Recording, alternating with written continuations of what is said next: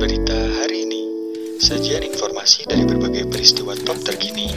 Tambahan informasi seputar olahraga, perkiraan cuaca, lalu lintas, dan komentar berbagai pihak yang disajikan dalam sebuah narasi.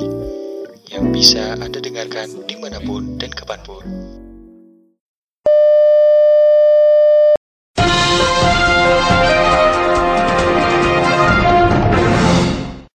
Dikutip dari serambinews.com, Banda Aceh, intensitas curah hujan yang tinggi dan cukup deras melanda kota Banda Aceh.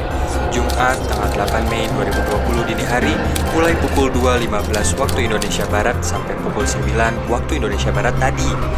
Hal ini menyebabkan sebagian besar kawasan di ibu kota provinsi Aceh ini tergenang banjir. Bahkan, hujan yang hampir seharian turun sepanjang hari kemarin sampai dengan saat ini sudah tidak mampu tertampung oleh saluran drainase yang berada di pinggir-pinggir jalan. Pantauan serambinews.com, sejumlah lokasi banjir yang paling parah terkena dampak terlihat di Jalan Hasan Soleh, Jalan STA Johan Syah, Gampong Nesu, Kecamatan Baitur Rahman.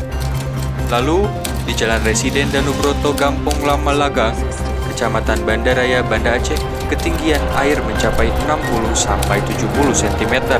Selain itu, kawasan yang terlihat juga cukup parah terdampak banjir terdapat di beberapa gempong di Kecamatan Lerbata.